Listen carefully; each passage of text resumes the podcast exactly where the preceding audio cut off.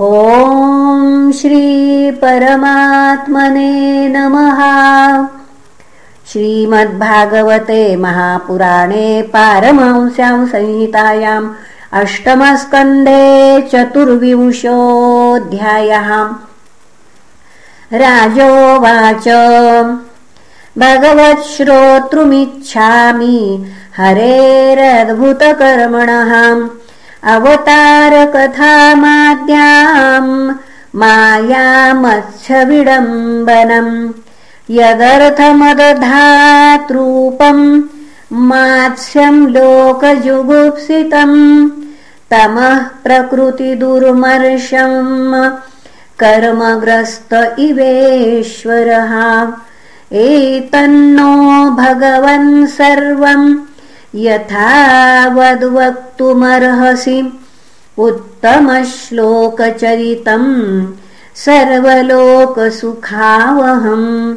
सूत उवाच इत्युक्तो विष्णुरातेन भगवान् बादरायणिः। उवाच चरितम् विष्णोर्मत्स्यरूपेण यत्कृतम् श्रीशुक उवाच गोविप्रसुरसाधूनाम् छन्दसामपि चेश्वरः रक्षामेच्छन्स्तनूर्धत्ते धर्मस्यार्थस्य चैव हि उच्चावचेषु भूतेषु चरन् वायुरिवेश्वरः नोच्चावच त्वम् भजते निर्गुणत्वाद्धियो गुणैः आसीदतीतकल्पान्ते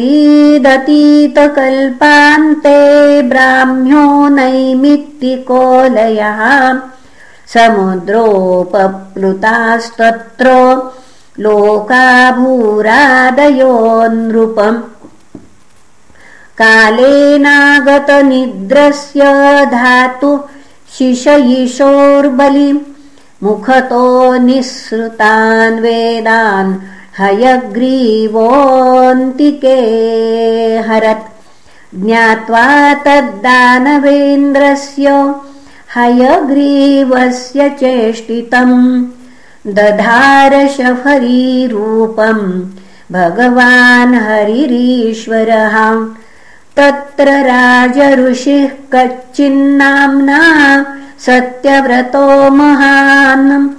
नारायणपरोतप्यत् तपः सलिलाशनः योऽसावस्मिन् महाकल्पे तनया सविवस्वतः श्राद्धदेव इति ख्यातो मनुत्वे जलतर्पणम्।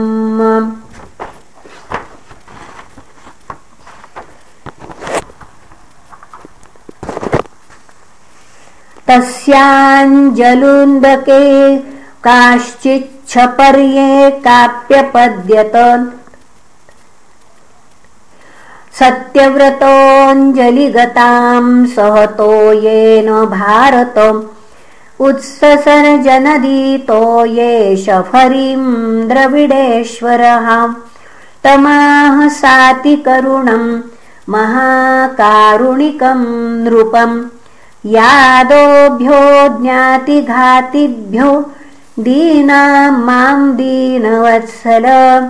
कथम् विसृजसे राजन् भीतामस्मिन् सरिज्जले तमात्मनोऽनुग्रहार्थम् प्रीत्या मत्स्यवपुर्धरम् अजानन् रक्षणार्थाय शफर्या समनोदधे तस्यादीनतरम् वाक्य माश्रुत्य समहीपतिः। कलशासुनिधायैनाम्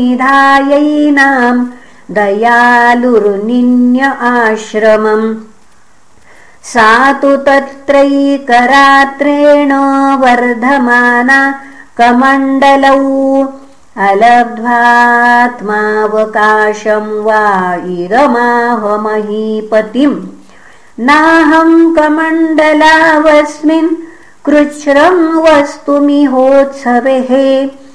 कल्पयौकः सुविपुलं यत्राहं निवसे सुखम् सेनां तत् आदाय न्यधादौ दञ्जनोदके। तत्र क्षिप्ता मुहूर्तेन हस्तत्रयमवर्धत। नम एतदलं राजन् सुखं वस्तुमुदञ्चनम् पृथुदेहि पदं मह्यं यत्त्वाहं शरणं गता तत आदाय साराज्ञा क्षिप्ता राजन् सरोवरे। तदावृत्यात्मना सोऽयं महामीनोऽन्वदवर्धत नैतन्मे स्वस्तये राजन्नुदकं सलिलौकसः। निधेहि रक्षायोगेन हृदे मामविदासिनीम् इत्युक्तः सो तत्र तत्राविदासिनीम् जलाशये सम्मितं तं समुद्रे प्राक्षिपज्झषम् क्षिप्यमाणस्तमाहेद मिह मां मकरादयः अदन्त्यतिबलावीर मां नेहोत्स्रष्टुमर्हसिम् एवं विमोहितस्तेन वदता वल्गुभारतीम् तमाह को भवानस्मान् मत्स्यरूपेण मोहयन्। नैवं वीर्यो जलचरो दुष्टोऽस्माभिश्रुतोऽपि च यो भवान् यो जनशत मघुराभिव्यानशेसरहम् नूनं त्वं भगवान् साक्षाद्धरिर्नारायणो व्ययः अनुग्रहाय भूतानां धत्से रूपं जलौकसाम् नमस्ते पुरुषश्रेष्ठस्थित्युत्पत्त्यप्ययेश्वरम् भक्तानां नः प्रपन्नानां मुख्यो ह्यात्मगतिर्विभो। सर्वे लीलावतारास्ते भूतानां भूतिहेतवः।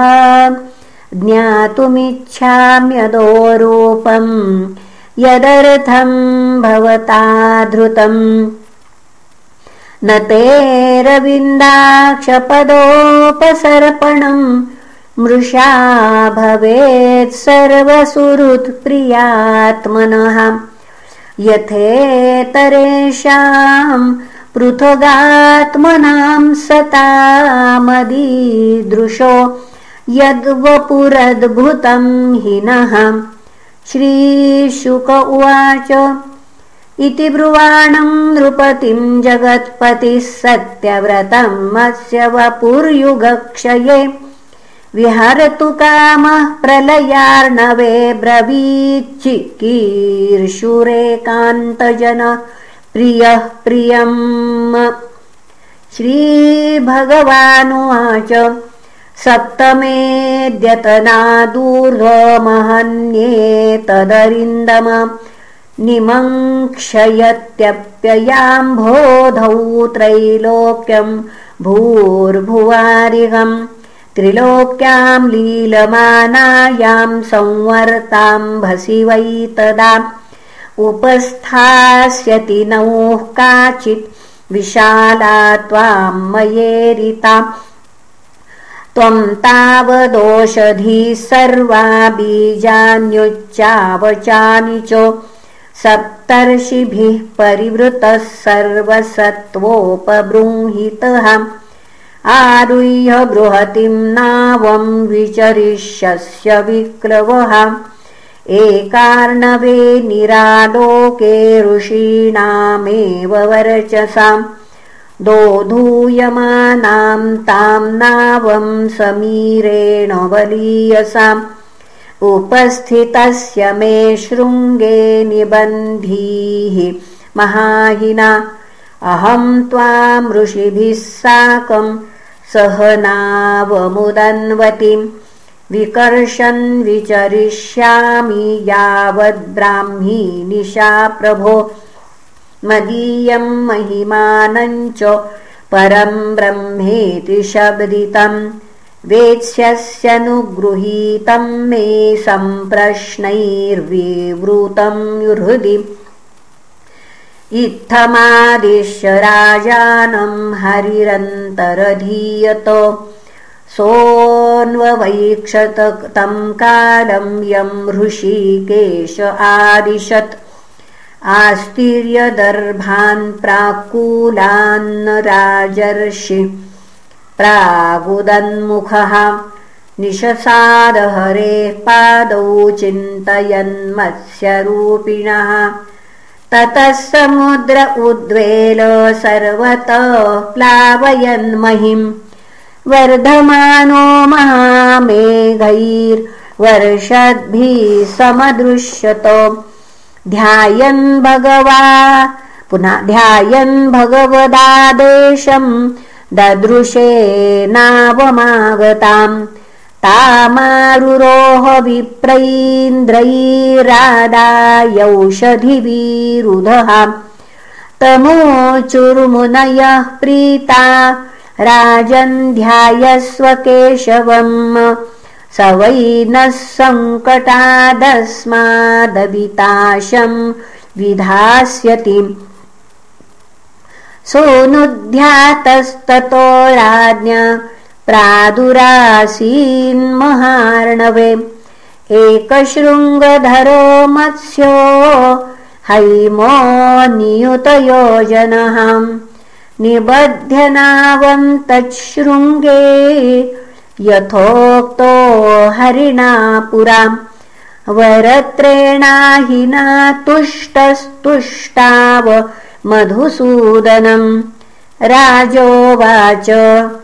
अनाद्यविद्योपहतात्मसंविदस्तन्मूलसंसार परिश्रमातुराः यदृच्छयेहोपसृतायमाप्लुयुर्विमुक्तिदो नः परमो गुरुर्भवान्।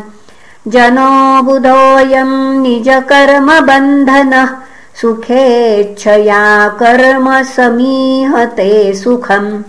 यत्सेवया ताम् विधुनोत्यसन्मतिम् ग्रन्थिं स भिन्द्यादहृदयं स नो गुरुः। यत्सेवयाग्नेरिव रुद्ररोदनम्। पुमान् विजह्यान्मलमात्मनस्तमः भजेत वर्णम् निजशे। पुनः भजेत निजमेशयो पुनः भजेत वर्णम् निजमेषसोऽव्ययो भूयास ईशः परमो गुरोर्गुरुः। न यत्प्रसादायुतभागलेश मन्ये च देवा गुरवो जना स्वयम् कर्तुम् समेता प्रभवन्ति पुंसः स्तमीश्वरम् त्वाम् शरणम् प्रपद्ये। अचक्षुरन्धस्य यथा ग्रणीः कृतस्तथा जनस्याविदुषो बुधो गुरुः। त्वमर्कदृक् सर्वदृशाम् समीक्षणो वृतो गुरुर्न स्वगतिम् बुभुत्सताम् जनो जनस्यादिशते सतीम् मतिम् यया प्रपद्येत दुरत्ययम् तमः। त्वम् त्ववैव्य पुनः त्वम् त्वव्यय्यम् ज्ञानममोघमञ्जसा प्रपद्यते येन जनो निजम् पदम्। त्वम् सर्वलोकस्य सुहृत्प्रियेश्वरो यात्मा गुरुज्ञानमभीष्टसिद्धिः तथापि लोको न भवन्तमन्दधीर्जानाति सन्तं हृदि बद्धकामः तं त्वामहं देववरं वरेण्यं प्रपद्य ईशं प्रतिबोधनाय छिन्ध्यर्थदीपैर्भगवन्वचोभिर्ग्रन्थीन् हृदयान् विवृणुष्वमोकः श्रीशुक उवाच इत्युक्तवन्तं नृपतिं मत्स्यरूपी महाम्भोधौ विहरंस्तत्त्वमब्रवीतम् पुराणसंहितां दिव्याम् साङ्ख्ययोगक्रियावतीम् सत्यव्रतस्य राजर्षे रात्मगुह्यमशेषतः अश्रौषीदृशिभिः साकमात्मतत्त्वमसंशयम् नाव्यासीनो भगवता प्रोक्तम् ब्रह्म सनातनम् अतीतप्रलयापाय उत्थिताय स वेधसे हत्वासुरम् हयग्रीवम् वेदान् प्रत्याहरन्धरिः स तु सत्यव्रतो राजा ज्ञानविज्ञानसंयुतः विष्णो प्रसादात् कल्पेऽस्मिन्नासीद् वैवस्वतो मनुः। सत्यव्रतस्य राजर्षे मायामत्स्यस्य शारिङ्गणः। संवादम् महदाख्यानम् श्रुत्वा मुच्येत किल्बिषात्। अवतारो हरेर्योऽयम् कीर्तयेदन्वहं नरः। सङ्कल्पास्तस्य सिद्ध्यन्ति स याति परमां गतिम् प्रलयपयसि धातुः सुप्तशक्तेर्मुखेभ्यः श्रुतिगणमपनीतं प्रत्युपादत्त।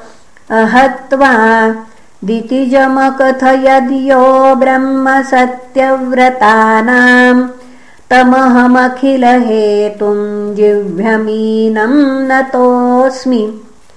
इति श्रीमद्भागवते महापुराणे वैयासिक्याम् अष्टादशसाहस्र्याम् पारमहंस्यां संहितायाम् अष्टमस्कन्धे मत्स्यावतारचरितानुवर्णनम् नाम चतुर्विंशोऽध्यायः इत्यष्टमस्कन्धः समाप्तः। हरि ओम् तत्सत् श्रीकृष्णार्पणमस्तु। हरये नमः हरये नमः हरये नमः